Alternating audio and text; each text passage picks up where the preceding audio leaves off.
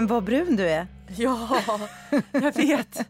Jag blir alltid det på våren och sen så blir jag lika chockad varje gång när, om man har liksom haft ett eh, uppehåll och inte varit på teater. Så när man ser sig i sminkspegeln, det är då jag helt plötsligt ser, jag bara, uh, Men har gud. du varit ute mycket? Ja, kanske det. Jag vet faktiskt inte riktigt. Men eh, jag, blir, alltså jag är mycket brunare i ansiktet jämt än på kroppen. Det är så lustigt, jag satt bara och eh, tittade ner i mina papper så tittade jag upp och så bara, vad brun du är. Ja, men jag måste börja med att säga hej och välkommen alla. Hej och välkomna till kuddrummet, lårsnacket flyttar ut. Välkomna tillbaka! Avsnitt 49 ska vi säga också. Avsnitt 49. Mm. Vi har ju haft ett fruktansvärt långt uppehåll. Mm.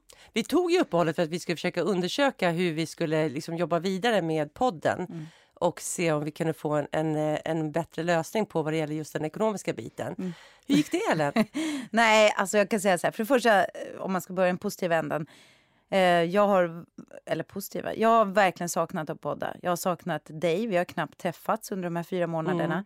Eh, den ekonomiska biten är väl som så att den är olöst. Utan vår ambition nu, vi kan väl berätta, ja men vi kör. Vår ambition nu är att vi ska fortsätta här nu några avsnitt innan sommaren. Vi har ju Alltså vi har nästan en kö med folk som vill komma och vara gäster, vilket är jätteroligt. Och eh, sen får vi se om poddformatet fortsätter eller om det blir radio framöver. Men vi vill fortsätta därför att, eh, ja, det... Men så, vi- vi inget jobbar egentligen vidare. löst. Nej, ingenting. Det är faktiskt exakt samma. Men du gjorde ett jätte... Så du Ja. hade ju en liten lucka där, där du verkligen Ja, gav järnet för att, liksom, Mm. med massa olika alternativ. Eh, och sen så var det ingenting som riktigt landade. nej, och det har jag också förstått att absolut så här, att, att vi- och, och som, det låter kanske lite konstigt, men vi vill ju bara att många ska lyssna egentligen. Det här är inte vårt levebröd. Nej, nej, nej. Mm. Vilket är jättebra. Men det är det svåra. Så lyssnar ni på det här nu och tycker att, att det är roligt och kul, sprid, sprid, sprid. Vi ska göra det vi kan. Men återigen, det, vi kommer, återkommer till det där med att vi skulle behöva en större plattform. Mm. Men tills dess så kör vi vidare. Gud vad jag har saknat dig Tanja. Ja men detsamma. Och anledningen till att vi inte har träffats är också för att eh, jag, alltså vi har gått om varandra i våra repprocesser.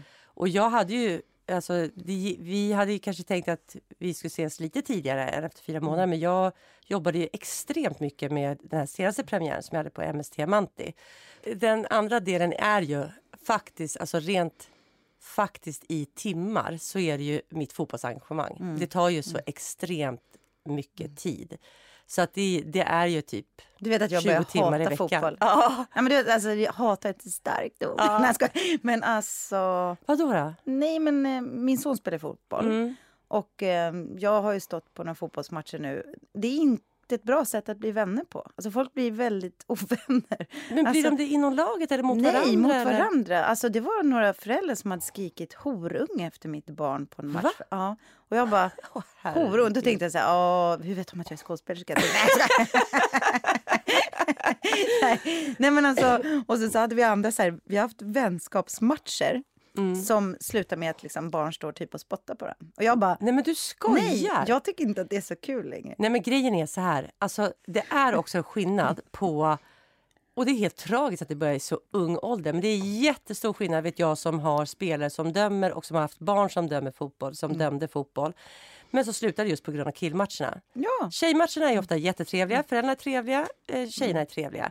Jag har dock ett undantag, jag tar det direkt. Ja. Vi hade en match för typ två veckor sedan där tränaren i motståndarlaget betedde sig eh, extremt dåligt. Och jag försökte prata med honom under matchen och så sa jag, han fick en av mina spelare börja gråta och gav planen. För att han skrek på henne så mycket. Eh, han skrek överhuvudtaget hela, så våra tjejer var för det första helt chockade. Jag har varit fotbollstränare i 12 år, jag har aldrig sett ett liknande beteende. Eh, och då ringer jag honom sen efteråt, för vi hade haft kontakt under våren. Vi har spelat massa träningsmatcher för han är tränare även för liksom, damlaget och det här var damjunior. Och han kunde inte på riktigt förstå vad jag menade. För han sa, men så här, jag, så här är jag uppfostrad i fotboll. Vadå, man skriker ju, det kommer känslor. Ja, men fast man skriker ju inte så att en 15-åring går av och gråter. Alltså det beteendet är ju inte okej. Men han lät faktiskt uppriktigt förvånad och det tror jag för att han är kille och har spelat i en killmiljö och tycker att det här är helt normalt att man spottar på varandra och skriker horunge till varandra.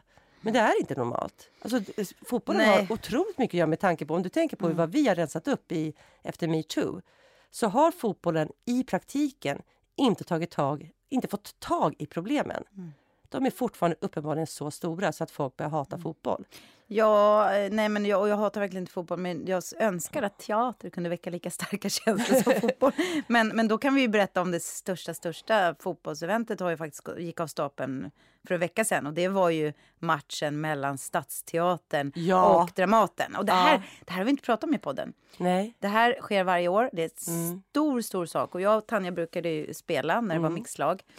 Det, det här kan Men vi det är ta... mixlag fortfarande, så det är inte därför vi Nej, jag spelar. menar tvärtom. Ja. När det var, jag var ju mest med när det var tjejer mot tjejer och killar mot killar. Aha. Sjumanna. Jaha, För då var det ja, då var kul. inte jag med. Ja. Ja, jo, du var med en gång. Inte sju mot sju, jag har bara varit med när de spelat elva och mixat tjejer och killar på Ja, men det där kan vi ta någon gång, ett, Ja. ett helt avsnitt till. Men, men det viktigaste och största är ju ändå att Dramaten vann ju stort. Ja. Var överlägsna och Stadsteatern fuskade.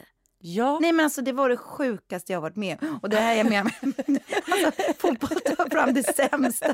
Då, Ja, för du, du gick verkligen igång på det. De fuskade på så sätt att det var en gymnasieklass som hade Ja, alltså, gympalektion jag på planen bredvid. Ja, jag skulle ha spelat. Vi har ju dessutom haft vårfest på Dramaten och Ja. då var Tanja så här, typ efter några glas så sprang du omkring och värvade folk där för att det behövdes fler tjejer. Ja. Jag, är, och jag är ingen fotbollsspelare men jag kan springa. Mm. Eh, och jag bara, men absolut jag ställer upp bara för att man liksom ska vara. Och, och våran då lagledare Pierre har varit supernoggrann med att alla ska jobba på Dramaten, man ska ha jobbat den här säsongen. Och liksom, alltså han är verkligen så här, håller sig till reglerna och de har tränat. Och, ehm, och sen så skadade jag, skadade jag mig tyvärr. Jag, jättetråkigt. Men jag var där som supporter och stod på den sidan. Och så när vi började leda, verkligen, eh, det går bra för Dramaten. Vi ledde med bra. 6-0 i paus. Ja, men det är liksom, Mm. ja. I paus, heter det inte? Heter det paus? I halvlek. Halv, ja. I paus, då var det snittar och champagne. och helt plötsligt ser jag så här, jag stod där hela tiden, att det började komma massa ungdomar dit. Så. Ja. Jag tänkte, fan har de ringt sina söner nu? Så här, bara så i panik. Ja. Och så ser jag plötsligt, och då, då skriker jag till dem, så här, eller inte skriker, men Nej, då säger jag med, med hög röst för att det ska höras. Säger jag så här, ja men ni har inte glömt att ringa skolplattformen nu och, och sjukanmäla era barn. De bara kolla. Och så plötsligt ser jag en lite det är roligt också, en lite större, lite tjockare man. Varför är gympalärare alltid tjocka? ja, och så stod det så här idrottslärare på ryggen. Jag bara, ja, har du anmält ungarna nu då? Han bara, nej det behövs inte för de är på min eh, lektion här borta. Eh, jag bara, va? Ja. Jag bara, men man måste jobba på Stadsteatern för att spela. Han bara, jaha, jag vet ingenting. De bara tog, kom och tog mina grabbar. Och du vet, nej, det var så uppenbart fusk. Och sen gjorde de ju två baljor och, och Ja. de kom ikapp, men vi vann. Ja. Så det där får ju bli en total, eh, vad heter det när man utvärderar efteråt? En, en haverikommission helt enkelt som tillsätts. Nej, men det tråkiga med det är så här, man kan ju, alltså, om det hade varit så att man Alltså, hela den här fotbollsmatchen är ju bara en rolig grej för att vi ska mötas. Och vi har, alltså, den har hållit på i många, alltså, det är en extremt lång tradition. Och det tråkiga är att det var inte liksom ett skämt som Alltså det, det skulle ju faktiskt kunna underminera hela idén om matchen. Alltså att om man skulle just börja värva folk utifrån. Ja. Och så här, ja, men jag tar dit mina tjejer nästa år som spelar svinbra. Mm. Alltså det, då, har man ju, då är det ingen idé. Då, då blir vi som... Men vi skojar om Liksom- det, alltså de skojar om det på marknadsavdelningen nu, att jag ska aldrig mer liksom, rekrytera någon som inte har spelat fotboll. Nej. Men det, där, det är en stor sak det här. Ja. Och eh, Dramaten vann. Och Stadsteatern, de inte bara förlorade, de fuskade dessutom. Mm. Men vi älskar er på Stadsteatern. Vi behöver er. Ja, försöker, du, försöker du liksom gjuta, vad heter Ja, men vi vet ju att vi har många lyssnare på Stadsteatern också. Ja, och, och vi... har man fuskat får man ändå stå, Ja, stå för det. Och så men- får man skämmas och så får man väl liksom... eh, Ja, men mitt mål är att nästa år ska vi ha fest tillsammans också. Ja, för det, alltså, Mm. det brukar vara så att den här matchen är lite, lite senare på dagen. Nu hade ju de lagt en kompetensdag där och eh, därför var den klockan 10 på morgonen. Men annars så brukar vi ju gå till någon närliggande pub och ta en sån här eh, vänskapsöl efteråt. Men det är roligt, många som är bra på teater är väldigt vinnarskalliga och Ja. väldigt, det är jättekul. Ja. Men Dramaten vann Ja. och vi är tillbaka Tanja. Ja, och vi sitter här. Nu kör vi. Yes!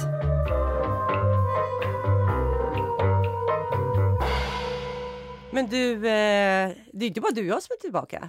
Blanka är här också. Blanka ligger blev så glad när hon såg mig. Nej men alltså hon blev så glad Tanja, det är faktiskt inte klokt. Jag har knappt sett henne bli så glad.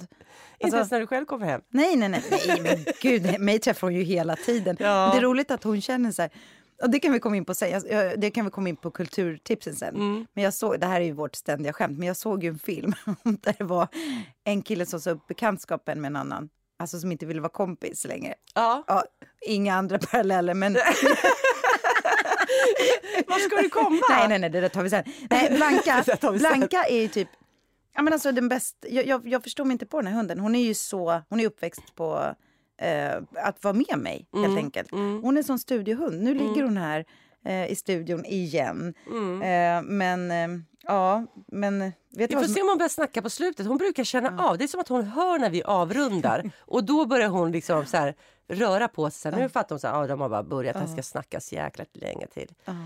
Men du vet vad som har hänt med henne? Nu, nu vill jag verkligen, nej men alltså nu vill jag, det här vill jag ändå säga till alla ni som har hundar också. Eh, vi köpte en hund som ni alla vet att det var ingen, jag ville aldrig ha en hund utan det var liksom så här, ja, ungarna ska ha en hund. Vi köper det, jättesöt. Och så va- sa ju folk så här, men du ska borsta tänderna på den. Jag bara, borsta tänderna på en hund, så här, det har jag verkligen inte tid med. Så här. Då gör jag så här tänkte jag. Eh, jag gör så att eh, halvtid så söver jag ner henne och så tar jag bort placken. Alltså, och, och, och sen så, så är det bra med det. Mm. Jag får betala lite, eh, tänkte jag. Och sen så började hon lukta lite illa i munnen. Och eh, jag tänkte, ja men nu är det dags att gå.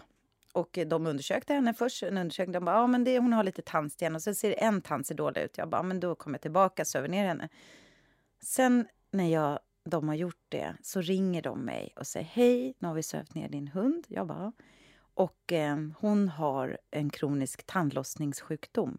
Och jag bara, och jag kände hjärtat börja slå. Hon bara, de bara, det är väldigt illa. Vi måste ta hälften av hennes tänder.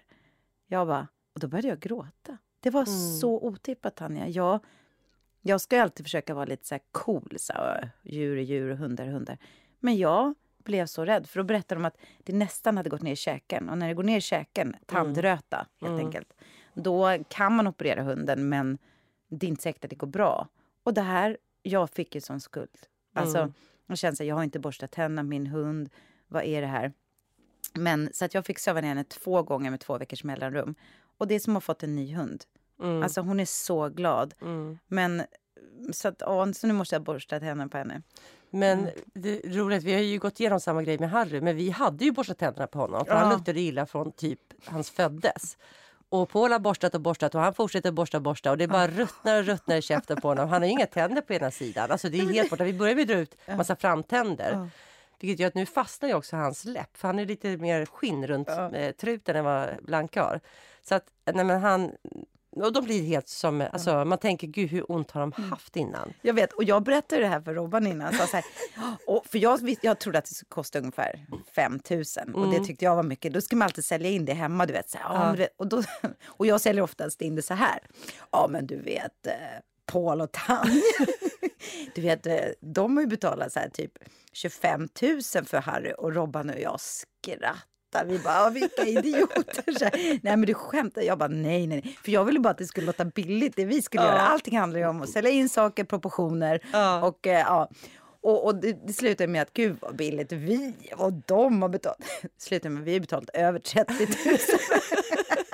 För det går ju inte på tandförsäkringen. Nej, tandlossning. nej, nej, Såklart det inte gör. Nej, såklart det inte gör. Nej, men så nu är det som att ha en ny hund. Men den här hunden, det hade ju varit billigare att köpa två nya hundar. Men Nej, men det, de är lite som våra barn. de är som våra barn, ja. Så ja. Mm. det, det är som att man har ett extra barn. Och ju äldre Harry blir, desto mer går han i barndom tror jag. Så Mm. att han blir bara gosigare och gosigare och mysigare och mysigare. Han är så gullig nu så att det inte är klokt.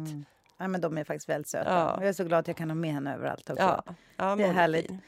Ja, men apropå, vi har inte pratat så mycket om det här med barn. Alltså, har du alltid Nej, velat... För jag tänkte så här, ja. nu när du sa att det är som våra barn. Det är klart vi har barn fortfarande, man kommer ju alltid vara mammor. Men har, för jag vill ju inte ha någon hund då, men jag har alltid velat ha barn. Mm. Eh, har du alltid velat ha barn?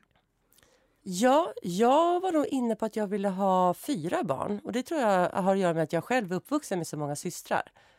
Sen blev det tre barn. Eh, för vi har pratat om våra barn ibland, vi har nämnt dem, men vi har nog aldrig i podden pratat om alltså hur vi var som mammor och just det här, så här vad, alltså, vägen vi- till barn. Nej, för också, vi har ju den är nämnt inte att- självklar. Nej, för vi har ju nämnt att vi inte var vänner när vi hade småbarn. Mm, Vilket är speciellt ju. mm. Men hade du redan som barn en, en barnlängtan? Oj. Eh, nej, det kan jag nog inte säga. Men jag tror nog alltid att jag såg mig själv med en stor familj Mm. framöver. Eh, men sen jag blev liksom, ja, men sen jag träffade Paul och man kände att det här är nog den eh, mannen jag vill ha barn med.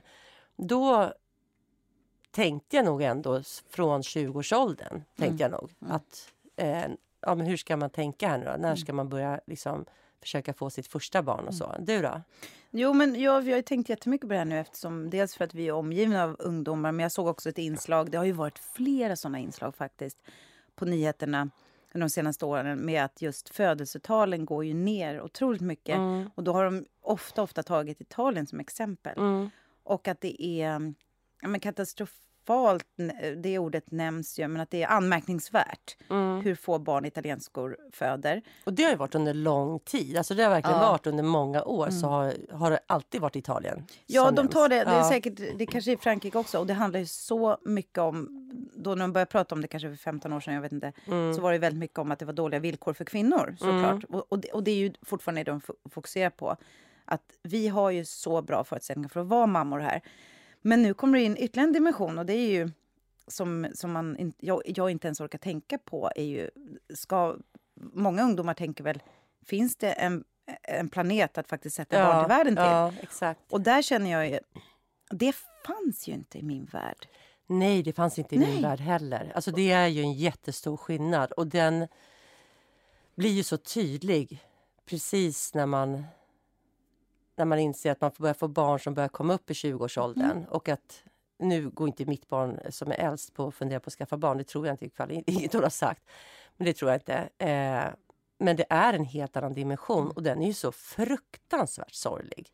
Ja. Och förståelig. Mm. Och man kan, jag kan ju också undra, alltså är det verkligen en katastrof att födelsetalen går ner? Är det kanske det enda som är rimligt och bra? Mm. Att det bara sker så rent automatiskt, mm. att folk inte och sen kommer vi, vi liksom, som blir äldre då inte ha några som försörjer oss. Det är ju det som mm. blir kontentan. Men det kanske är vi kanske får hanka oss fram på vatten och bröd i ålderdomen för att planeten ska överleva, mm. för att det inte ska vara så många människor på jorden. Och sen är det här såklart jätteolika beroende på var i världen du är. Ja, ja. Jag tror inte liksom om, om du tittar på, mm. alltså vissa länder har ju alltid haft ett, ett mm. lågt födelsetal för att de, de har reglerat sin mm. folkmängd och hej och hå. Men, men här mm. i Sverige och Europa tror jag att man Men det är också så här, för det var ju när jag var liten och, och säkerligen generationerna innan om man sa att man inte ville ha barn, det var ju mm. nästan inga som sa så uttalat. Nej. Då, var, då väckte det ju jättemycket reaktioner. Och det har mm. också pratats mycket om i press, för då var det ju, nej du kommer ångra det var övertalningskampanj och så här så är det ju inte längre nu. Det har vi ju fått mm. lära oss att inte ifrågasätta, vilket jag tycker är jätte, jättebra. Mm. Alla ska få välja själva. Det är ju ett stort steg. Mm. Men då var det, det var ett mellansteg att du vill inte ha barn. Nu är det mer så här, vågar man få barn? Alltså jag tycker mm. bara såna jättestora förskjutningar som har skett bara sen de här 22 åren sen vi fick barn. Mm. Jag var nämligen ett sånt barn. Det är jättekonstigt, men jag har alltid fantiserat om familj, ända sedan jag var typ 12. Alltså mm. djupa, djupa fantasier. Vad, hur såg de ut då? Nej men, um, ja, men... Ja, och det kan vi faktiskt komma in på. Apropå kulturtips så såg jag en film som rörde upp mig jätte, jätte Ja men ta den direkt. Så tar vi dem ja, jag, jag kan berätta om filmen sen. Men, mm. men, men det var då att jag hade en jätte, jättestark kärlek när jag var ung. Som var, ja. som var ihållande. Den var en kärlek som var från att jag var till 8 tills jag var 16. Jaha. Och och honom fantiserade jag om. Dagdrömde. Jag är en dagdrömmare. Ja, och så mm. du framför dig liksom ett hus och... Ja, jag drömde om allt ja. det Det var hus i Sollentuna. Det var, ja. det var alltså att leva det. är en lång tid, alltså från 8 till 16. Att ha en sån stark kärlek, en stark kärlek mm. till en person. Ja, och jag ville att, att man skulle bo i hus och man skulle ha en bil och man skulle åka skid. Alltså det var exakt det som alltså, mitt eget liv 2.0. Alltså, jag Men var den någonsin besvarad, kärleken? Ja, det tror jag. Men det var inte på Men det var så... ni tillsammans och hånglade och liksom petade på varandra? ja, lite. Men inte så mycket som jag hade velat. Ja, inte så mycket. Jag var extremt blyg. Blyg ja. människa. Och det, ja, men och det är också jo, Det är också skillnad. Pratade ni på varandra när ni var nio år eller 16 år? Nej, nej, nej. nej. Alltså, jag, jag var ju kär. Jag, jag, var ju väldigt tidig med att vilja ha liksom, killar. Och, alltså, mm. jag, jag var otroligt... Eh, men den sociala skammen fick jag känna på väldigt tidigt. För jag berättade saker. Ja. Jag bara, men gud, jag har drömt det här och jag drömde att jag hade sex och så här. Och det förstod jag. Alltså, så jag, den, jag, var, jag föddes extremt fri. Ja. Alltså jag, jag, och, och jag är så biologisk. Alltså Mm. all, all min biologi är liksom... Men den har ju fått tuktas utav... Så det hade Men var det jag, dina tjejkompisar som... Ja, men eh, det, gick, det kom ju eller? fram och det, ja, nej, men det var så hemskt. Liksom. Jag, jag trodde inte att det var något fel med såna saker. Men det, jag, eftersom jag alltid har varit väldigt prata öppet. Men vilken ålder var det när du började prata öppet om det? Nej men alltså, det var, då kanske jag var, gick i tvåan. Ja. Nej, nej, nej, nej, trean. Alltså, men trean. lågstadiet ändå? Ja, lågstad, trean. Men det här är så intressant, vi har aldrig pratat om det. För grejen är att jag hade också starka eh, sexuella känslor när jag gick i trean. Någonstans Ja. där började det väckas. Och då hade jag också i fyran, gick jag, när jag hade min första stora, alltså så här kärlek, alltså där jag blev förälskad i någon. Och jag kommer ihåg hur omtumlande det var och att det var så starkt och att folk sa till mig också, så här, mina äldre syrror och deras kompisar, så här, ja, ja, ja, så här, garvade lite åt mig att ja, ja, men vänta tills du får känna på riktig kärlek. Men nu har jag ju gjort det och jag kan säga, jag, jag skulle inte förminska den där kärleken överhuvudtaget. nej. Den var så stark. Ja. Och också när jag hånglade, jag var jättepå.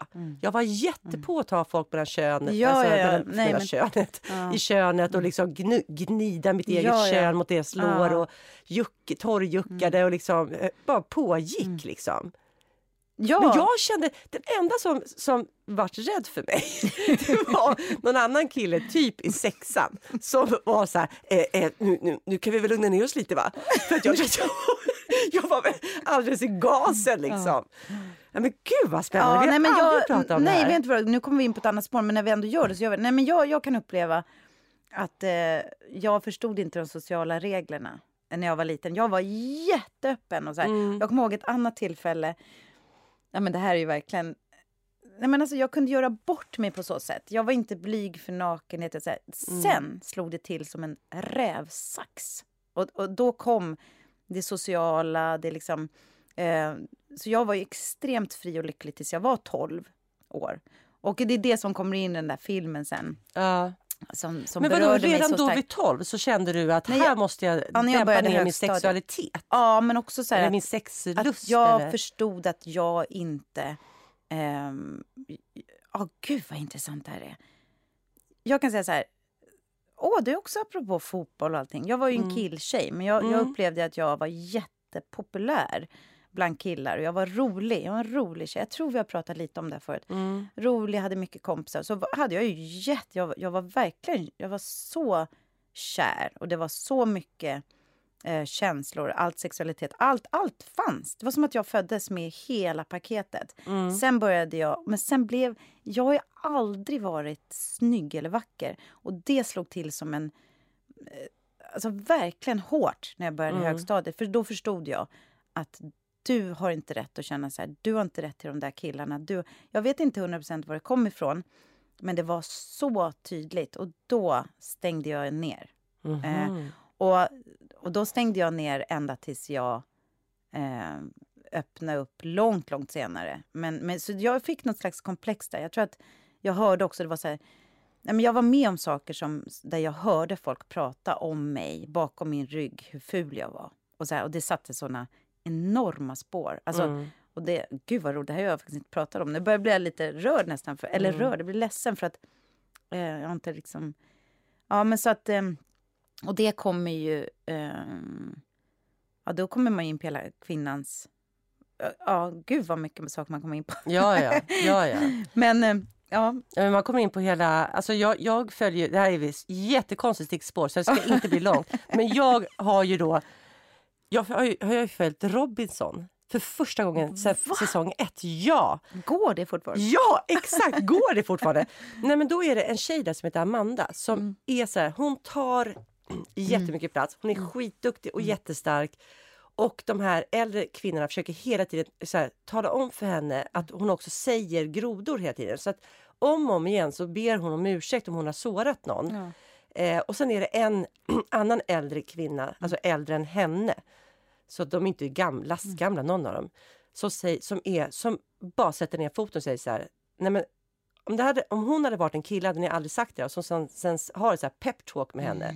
Om att hon ska fortsätta att vara den hon är. Underbart! Ja, så jävla fint Ja. faktiskt. Men det är sån kvinna man vill vara till någon ung tjej. Ja. Jag hade ingen sån riktigt. Nej, men det är det som ändå du är inne på, det där, att det är det där genuskontraktet som hon pratar om i Robinson. Att du Ah. bröt genuskontraktet, Mm. du gjorde saker som... Och så då var vi inte heller lika utbildade. Jag Mm. hoppas och tror att... Eller så är det liksom vi 50-åringar Mm. nu som är mycket mer medvetna om de här processerna och så våra barn som är tonåringar får uppleva exakt samma sak. Att genuskontraktet är skitstarkt. Och, att, Det är så och det är starkt för båda. Det är starkt för killar och det är starkt för tjejer. Men lite mer, vi har mycket mer offentliga personer som bryter genuskontraktet. Och de är så otroligt viktiga förebilder tror jag för våra barn. Att man har en popstjärna. Alltså jag tänker bara på Benjamin Ingrosso, att han gör Polarpriset i en svart långklänning. Ja. Det är liksom, det är bara en liten markering. Men han var så snygg dessutom. Han var så snygg och han sjöng så bra. Såg du det? Hans Nej, jag inslag. såg tyvärr inte det. Ja, jag såg bara hans sång för att det kom upp som något sånt där förslag. Och jag gillar ju Benjamin Ingrosso jättemycket som sångare. Jag tycker att han har gjort jättemånga bra låtar. Eh, men, men bara en sån liten detalj, eller Harry Styles som också gör det ju. Sånt där är Hela tiden går i liksom, Ja.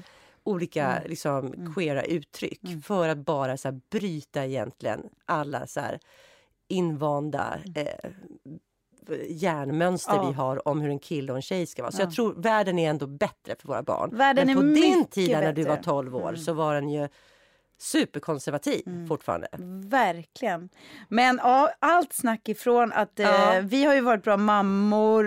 Jag känner mig som en dålig mamma till min hund. Ja. Men tänk, jag har i alla fall drömt hela mitt liv om att, att få barn. Och jag hoppas, hoppas att folk ska kunna och våga sätta barn till världen. Och vill de inte så vill de inte. Nej. Och någon gång ska vi gå djupare in i hur vi har varit som mammor. Ja, Men nu blev det här. Nu blev det andra. Nej, men det här var ju superintressant. Det är så kul när vi kommer upp med grejer i podden som vi faktiskt aldrig pratat om privat ens. Nej. Det är som att de här mikrofonerna startar en ny kanal mellan varandra. Alltså Det är som att vi lär känna varandra genom, fast vi ändå pratar ju, även om inte vi har setts på länge så pratar vi i telefon varje vecka. Ja, ja gud ja.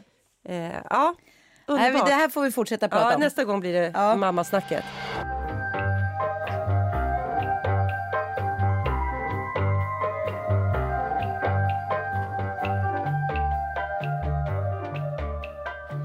Det är ju det är flera månader sedan vi poddade så vi kan ju omöjligt recappa allt vi har gjort. Nej, men det Eh, går inte. Det blir så jävla tråkigt. Vi Nej, det hoppar skulle bli rakt så in jävla i samtiden. Utan det är rakt in i samtiden. Ja. Men, men då måste jag bara nämna att, och det här har ju vi sett i alla flöden och allting, men jag var på Depeche Mode eh, häromkvällen. Alltså hur kunde jag missa? Hur kunde jag missa att det var? Alltså, jag missade Beyoncé också. Alltså, så här, att, att de kommer, det är bara det. Så här, jag, vad har jag varit? Men berätta. För det, Nej men, apropå, varit ja, ja, men det, apropå, jag går ju alldeles för sällan på konserter och då var det en kompis till mig, en god älskad vän från Öland som jag säkert har pratat om förut. En, hon, hon fyllde år och så öppnade hon presenten så hade hon fått två Depeche-biljetter av sin mamma. Hon bara, ja tack. Ehm, Ja, hon sa inte det, men hon tänkte så här, jag har inte lyssnat på Depeche på jättelänge. Alltså, för det, är- och, och det slog mig också så här, jättesällan, det kan vi också prata om någon gång, så här, vad sätter man på i sin Spotify? vad har man? Så länge sen som jag lyssnade på dem som jag faktiskt lyssnade på när jag var ung. Eh, och då så ringer hon mig så här, vill du följa med på Depeche? Jag bara absolut, gud vad kul. Och så skulle vi gå dit. Och vi hade egentligen inga förväntningar. Och sen bara liksom hade vi den bästa konsertupplevelsen någonsin. Det, var, det var så jävla bra helt enkelt. Det var liksom, och det var också så konstigt. Så här, visst, först var det några nya... Vart var konserten? Eh, Friends Arena. Och, Ja, och, den, det var alltså, för jag tänkte så här, var de på den mindre? De säljer ut så mycket alltså. de, så, och de körde ju bara en i Sverige. Ja. Och det är också så här, nej men gud det är så mycket jag kan prata om Depeche, men liksom för att eh, det slår igen. Visst, det var några låtar som inte jag hade lika bra koll på som är från det senast, för de är ju liksom verkligen fullt aktiva. Det här är ju ingen... Eh, men annars, man kan de där De är fullt aktiva, så det var inte bara en så här, en Nej. nostalgi... Nej, nej, så nej. här, vi tar upp, vi har nytt. inte gjort något på, på skriver 20 år. Ja. Och det var liksom... Och det var, och det var det som var grejen. Du vet när man får en sån här upplevelse när man står... Jag stod och kände mig som att jag var 20 år. Alltså, Mm. Och vi stod och hoppade och höll i varandra och kramades. Och så här, eh, I hope you never let me down again. Alltså, det var I'm taking a ride with my best friend. Alltså, allting Ja. var liksom bara så här... Nej, men alltså, det, det, det var så stort. Och sen kom jag in på det som var... Ja, men du vet, Kommer du ihåg när man var ung och man satte sig med buss och satte man på sig musik så kände man så här, gud världen ligger för mina fötter. Ja. Det är inte så ofta man känner det när man går ner till Konsum så. Mm. Men så var det. Och sen slog det mig så här, herregud, sångaren Dave, Mm. ehm, han är ju 61 år gammal. Mm. Och han var så sexig. Nu kommer vi in på det här med sex igen. Jag kände bara så här, nej men alltså han Du har släppt lös Nu har jag släppt lös. Jag kommer bara prata om sex. sex men- ja, ja, gud ja. Jag kände som man gjorde när man var 20. Jag vill Ja. Mm. ligga med honom. Alltså, Allt det där. Och det är ju också musiker får en sån enorm kraft. Och det är Mm. klart att han är ju leadsångare. Han är suverän. Ja. Men, men då, åh, så slog det mig så här. Vad, vad, jag menar, jag vet ju att eh, Rolling Stones, de turnerar, de är över 80 så här, men, men där går liksom min gräns. De är, nej, men De de är inte lika vid något år. Nej, men nej, det- nej så här- för 61 är ju bara... Nej, det är ju ingenting. Drygt tio men det är år äldre än oss. Men, men han var så cool. Han ägde. Mm. Han Mm. ägde. Och, han var så här. Mm. och så tänker jag då på andra konserter och idoler vi har haft. Så var ju, Mm. i alla fall för mig, var ju Madonna en jätte... Har du sett henne live någon gång? Ja, det har jag faktiskt. Hon Vad var en du? stor idol för mig, men det Ja. var ju länge sedan. Ja, men berätta. Nej, men jag kommer inte ihåg. Det var på... Jag kommer inte ens ihåg om det var, Var det liksom Göteborg? Globen. Nej, nej, nej. Det var tror jag i Va? Stockholm. Men har inte spelat... Jo. 2012 var hon Nej, men alltså det var jättelänge sedan. Va? Okej, för jag varit, såg henne i Göteborg då. Alltså jag är osäker. Jag upplever som att jag har sett henne med hennes strutar och, och grejer. Ja, men jag tror fan jag har sett henne i Stockholm någon gång. Alltså Mm. på, när hon var som störst. Liksom. Men du måste ha varit i Göteborg och sett henne på Göteborgsvarvet. var, va? Ja, men skitsamma. Ja. Du har sett, ja. Men för, ja, hon var en idol för oss båda. Ja, var, ja. ja. Och sen så nu då, så hon är 64 nu. Ungefär lika gammal som Dave. Då, Ungefär lika gammal som. Dave. Mm. Ja, och jag tycker ju precis som hon som i sitt försvar. Jag, för där måste jag ändå säga så här. Jag, jag står verkligen... Det, hon får göra precis vad hon vill med sig själv. Det spelar Mm. mig ingen roll. För hon lever tyvärr i en värld där kvinnor upplever då att deras sexuella kapital, eller man ska säga, eller, och gud nu lät det så tråkigt när man pratar sådana termer, men Mm. att hon måste se ung ut på något sätt. Ja. Och medans, nu såg inte jag någon närbild på honom, men, men han ser ut som sig själv fast äldre. Mm. Och vad fan ska vi, vad, vad är det? Jag vill också stå och äga när jag är 61. Jag kommer aldrig mer säga, för jag har ju börjat med det. Jag vet inte om du, jag, jag har ju börjat så på teatern, till exempel så när man är lite senior, så bara, ja, vi som är lite äldre. Det är som att jag har börjat smyga in i det där. Eller säga så här, ja men nu är jag tant, eller, eller om jag säger något snuskigt skämt så bara, Nej, men jag kanske inte ska säga det där bara för att de kanske blir äcklade av mig för att jag är så gammal. Och jag bara kände när jag såg Dave på Ja. scenen. aldrig mer. Nej. Jag kommer aldrig mer säga att jag är gammal. Eh, om det inte är så att jag säger att För jag är säger, erfaren. alltså, ja men exakt, du, du menar gammal i termen av jag är redan förbrukad. Jag, Ja, men som att jag ber om ursäkt för mig själv. Ni Ja. borde, nu är jag här med mina äckliga hängpattar igen. Nej! Jag är här med mina högst eh, belevade pattar. Nej, men för, alltså, eh, och, eh, eller hur? Vad Ja. fan ska vi göra? Nej, men jag tror att det är precis det där. Alltså, det, det intressanta är ju liksom hur man kommer åt... Jag tror att det är jättemycket i det där att acceptera sig själv. Alltså människor som är bekväma i sig själv och sin eh, hela kropp och hela sitt ansikte och hela sin ålder blir ju väldigt attraktiva. Och om, om man bara gör sin grej så blir man ju väldigt attraktiv oavsett hur det ser ut. För det, det är ju någonstans så klyschigt att det är, det är liksom kraften inifrån man tänder på.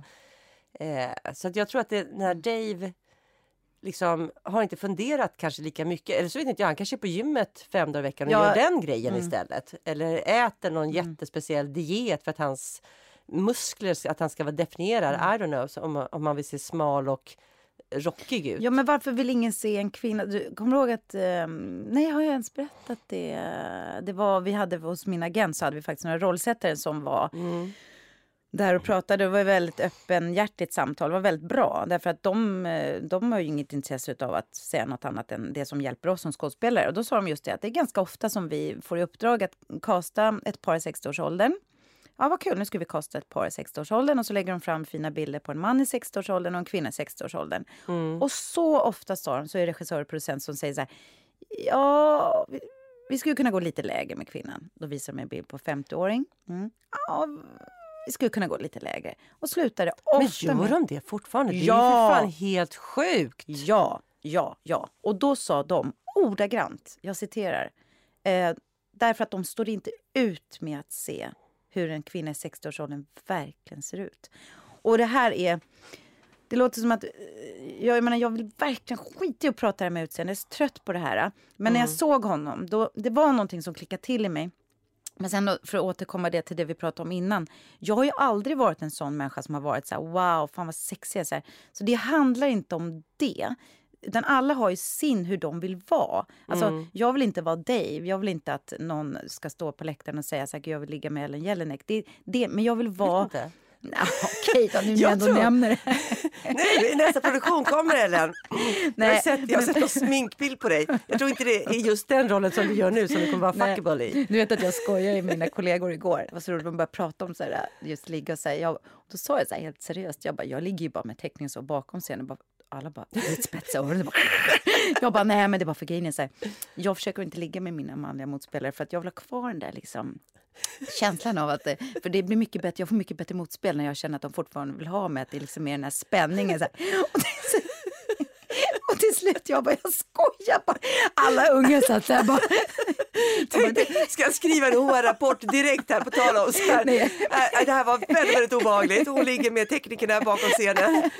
Nej, men, men eh, vad fan kommer... Jo, men då, apropå, då har vi ju Martha Stewart där också. Har du följt den lilla debatten? Nej, jag inte, men du skickade Nej, ju en bild. Det är ingen debatt egentligen. Nej. Vi kan nämna, alla ni som lyssnar har säkert sett att Martha Stewart, 81, har då frontat Sports Illustrated. Ja. Och ehm, det är ju jättehäftigt att en 81-åring eh, och hon ser ut som en liten flicka i ansiktet. Ingen aning om hur man gör sånt. Jag ingen aning. Jag känner inte Martha Stewart. Jag vet att hon håller på med mat och haft matprogram. Hon är säkert jättevacker och vad hon har gjort eller vad hon fått för så här, eh, blodtransplantation eller vampyr. Det är helt okej. Men en sak var så sjukt. Då träffade jag några bekanta häromdagen. Vi bara passerade varandra och så började vi prata om det för de är också i filmbranschen.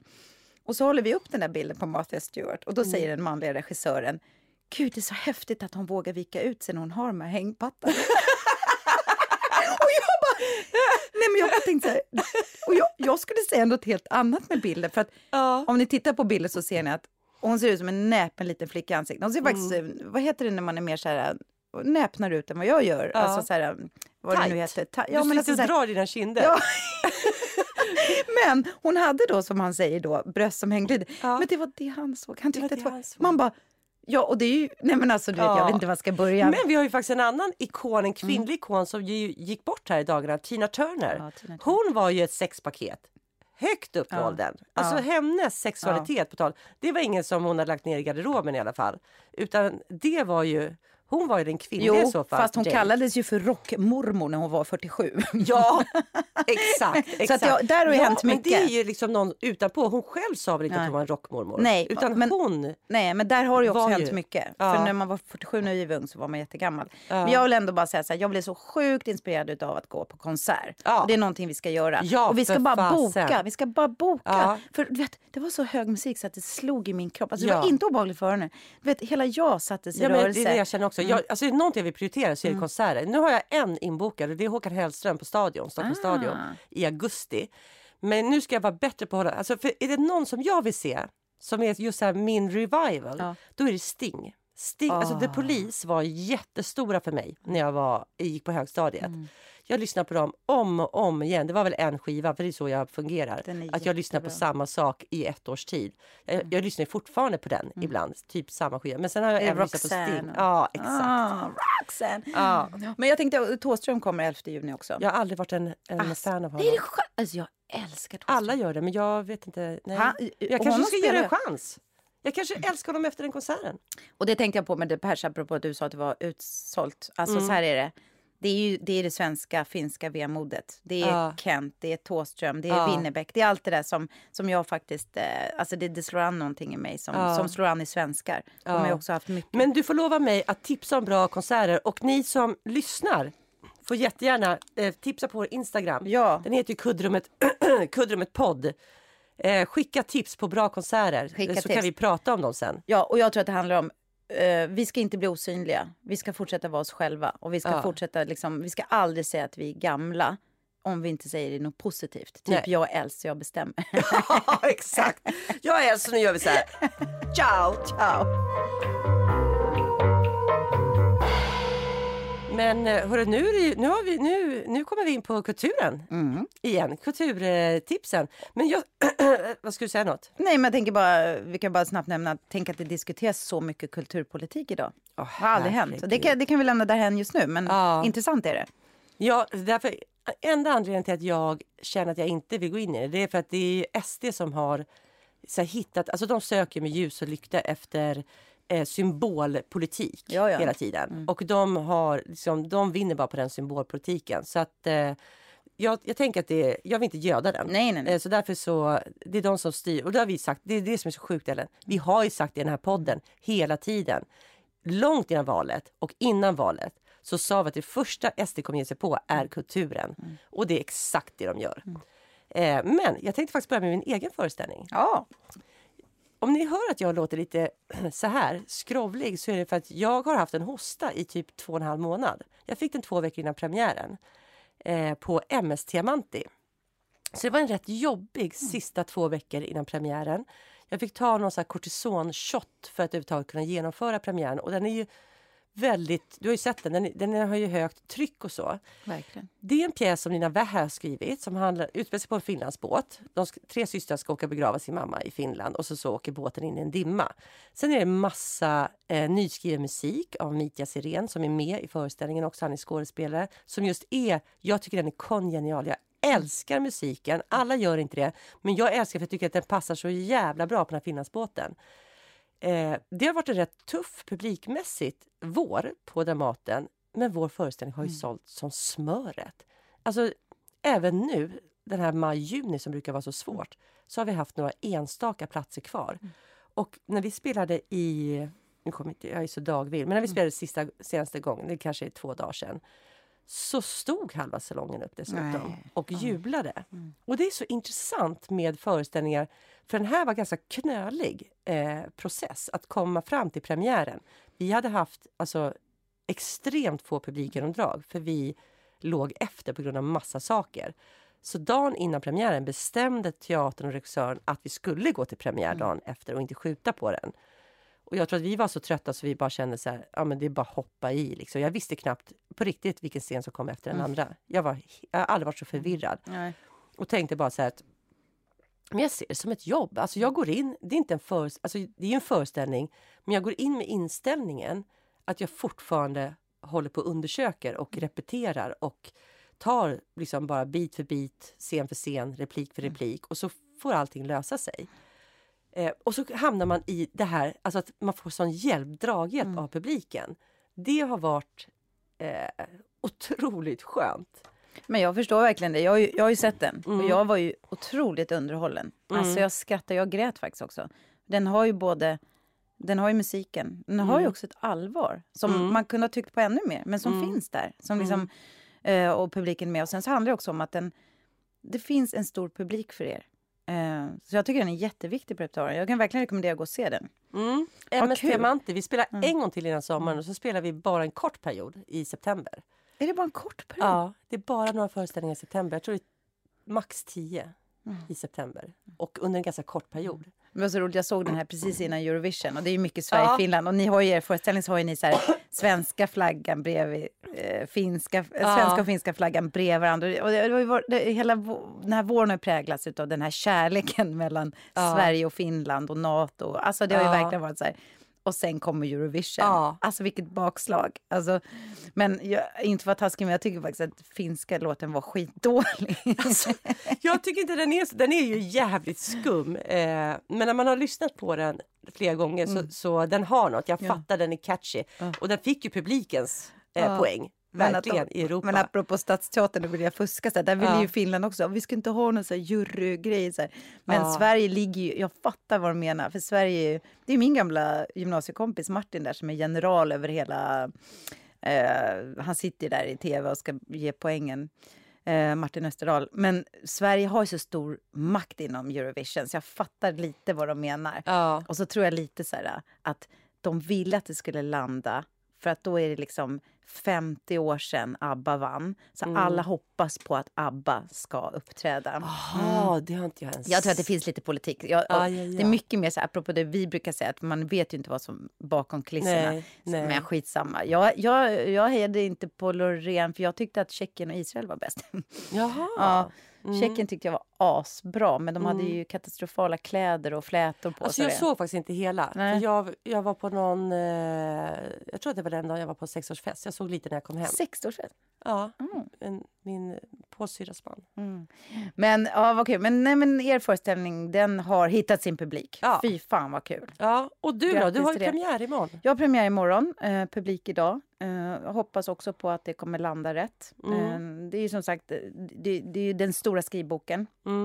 På Lilla scen som bygger på boken, den stora skrivboken av Mm. Agota Kristoff. Och det har ju gått troll i den här föreställningen kan man väl säga på så sätt att det var, den blev nedlagd under pandemin, upptagen och nu hade vi det här bakslaget med vår regissör som vi håller alla tummar för att hon mår bra. Eh, Mm. och eh, vi kommer ha premiär Alltså den ska upp på banan nu innan vår och sen ska vi spela i höst. Så jag hoppas verkligen att det, det, den, den är väldigt lik boken. Och jag att- älskar ju boken. Mm. Så Man ska att, säga eh, böckerna, det är ju en trilogi. Ja, och vi gör bara första delen. Då. Ja. Ja. Jag hoppas Mm. på någon gång att göra de två andra delarna också. Mm. Ja, men så det blir imorgon. Ja, spännande. Ja, och, och vet, du, man kan inte prata så mycket om en föreställning som man inte haft premiär på heller. Det är någonting, är det inte så? Nej, men Sista den är- dagarna, alltså jag, jag, men jag är Nej. så här, jag, jag, det är som att jag går in i så här, ja men det är mycket, man vill inte jinxa, man vill inte, Nej, men vi, man är vår också i en ganska är... känslig process. Ja, men våran är ju inte så... Den är inte så svår. Ni hade sånger, alltså det finns ju Ja. olika processer. Ja. Det här är faktiskt att vi berättar en jättestark och fin historia tillsammans. Ja. Det är inte jättekomplicerat, men jag tror att den kommer kunna gå rakt in. Texten är så pass fin. Så att det är, nej, jag, jag är mest bara ser fram emot det. Faktiskt. Det Men du, nu är jag så nyfiken. Mm. Den här filmen som du inte ville ta när du Nej, pratade om men dig, dig själv när du alltså- var 12 år. Ja, ja, men, ja, jag hade faktiskt en, en, en vecka där jag såg två fantastiskt bra filmer. Det var inte så länge sedan. Och då är det ju...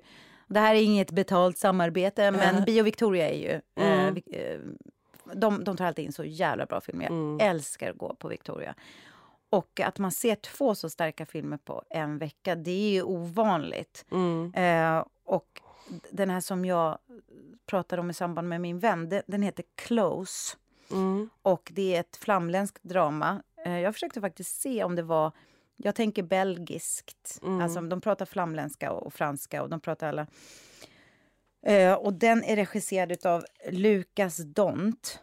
Eh, jag kan verkligen, verkligen rekommendera att se den. Men för mig var det liksom en, en kroppslig upplevelse. Och jag gick och såg den med Robban. Och den handlar om två 12-åriga pojkar. Det är så lustigt att det just är 12. Mm. 12-åriga pojkar som är bästa vänner som ska börja på högstadiet och där förändras allt. Mm. Den är så vacker, den är så fint beskriven och sen var det just sådana ämnen som, som berörde oss och då var det ju eh, att det var självmord, det var att förlora en vän när man är liten, det var, alltså det, det var, nej men vi, jag satt bara och jag fick faktiskt en sån otrolig sån här grej som man försöker putta undan. För det var ju så, Mm. apropå där som jag pratade om i början. Mm. Han som var min stora kärlek eller när jag var liten, han dog ju när, när vi var 16. Och det var, Mhm. det, var, det, det gick faktiskt inte att hantera riktigt. Jag visste inte hur man skulle göra, inga vuxna visste hur man skulle göra. Och då var det en scen bland annat där han får gå in i sin kompis rum och hämta någon, något minne. Och det har jag upplevt när jag var exakt, eh, då var jag lite äldre då, 16.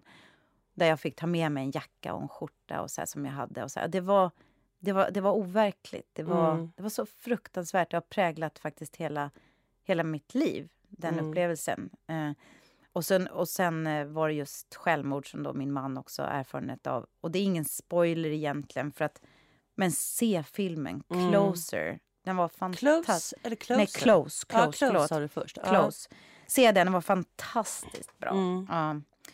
ja, har du något annat? Nej men ta din, eh, har inte du en till film? Jag har många grejer, jag vet inte hur mycket ni vill ha. Ja men jag tar din andra film. Okej, men och den, det är lite sent tips på den faktiskt. Men det är The Banshees of Inisherin. Ja, ja, ja, ja. ja, men den, den, och då tänkte jag på det här med vänskap. Ja, ja. Var så, den, den var helt fantastisk. Men, och då tänkte jag faktiskt efteråt på att det handlar just om det där med när man får ett avslag av någon. Eh, Mm. För det, det handlar inte bara om vänskap. Jag tänker att hur, hur uppstod det här då? Någon som vill skilja sig och den andra inte fattar det. När man bara gång på gång, man inte ger sig. Man måste acceptera Ja. att den andra inte vill vara med en. Men nej, men det var så roliga karaktärer. Den har ni säkert redan sett och det är ett väldigt sent tips. Men jag satt som sagt och såg den på Victoria och eh, häpnades över och jag slogs också av att det är verkligen en dröm att få vara med i en sån film som gör sånt avtryck. Eh, komma, få komma i närheten av de där berättelserna. Så den, alltså bio, gå på bio. Ja, men ska jag ta mina tips då? Ja. Jag tänker att vi har ofta pratat om gästspel och så säger vi så här, ja, fast den gick ju bara två gånger. Just det. Ja. Så nu tänker jag slå ett slag för gästspel som kommer och som kommer på Dramaten. Bra. Eh, och det är ju Bergmanfestivalen som förut var en sammanhållen eh, festival men som nu sprids ut. Och då är det tre föreställningar som redan nu ligger. Jag bokade biljett till den här Isabelle Huppert som heter Mary said what she said. Eh, och hon gör Maria Stewart, en monolog om Det är Maria den stora, stora skådespelerskan Isabella Berg. Alltså, Ja, Oj, wow. och den är i december. Och jag kan säga så här, jag var en dag sen på bollen och tog lördagen, för där, där fanns det en biljett som jag tyckte var tillräckligt bra. Det finns biljetter säkert kvar kanske på andra och tredje raden. Eh, så ska man ha biljetter till den, då ska man vara snabb. Den kan vara utsåld, men det tror jag inte. Eh, men innan den så kommer ju en som heter Liberstot, alltså jag har inga glasögon här, Liberstot, eh, som spelas i 15-17 september.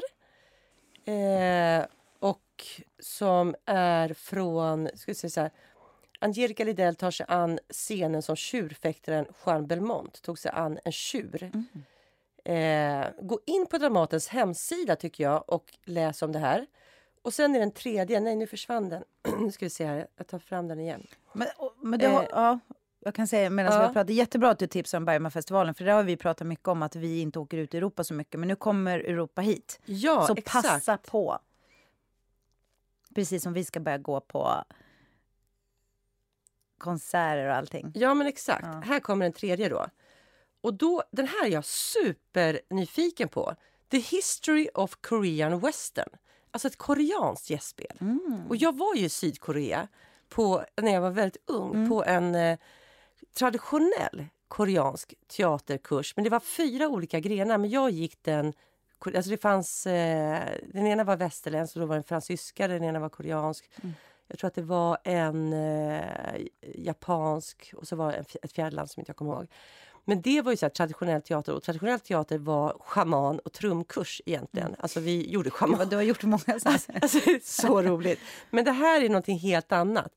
Men det här, det här är ja, super, för det här är liksom jag var på Västerländsk teater när jag var i Sydkorea och det, de spelade det på ett helt annat sätt. Det var någon, det handlade om Al Pacino. Av någon, så här, det var någon som hade skrivit någon pjäs om Al Pacino som han älskade men gjorde också en massa scener som Al Pacino har gjort i olika filmer. Och bara spelstilen är ju helt, helt annorlunda.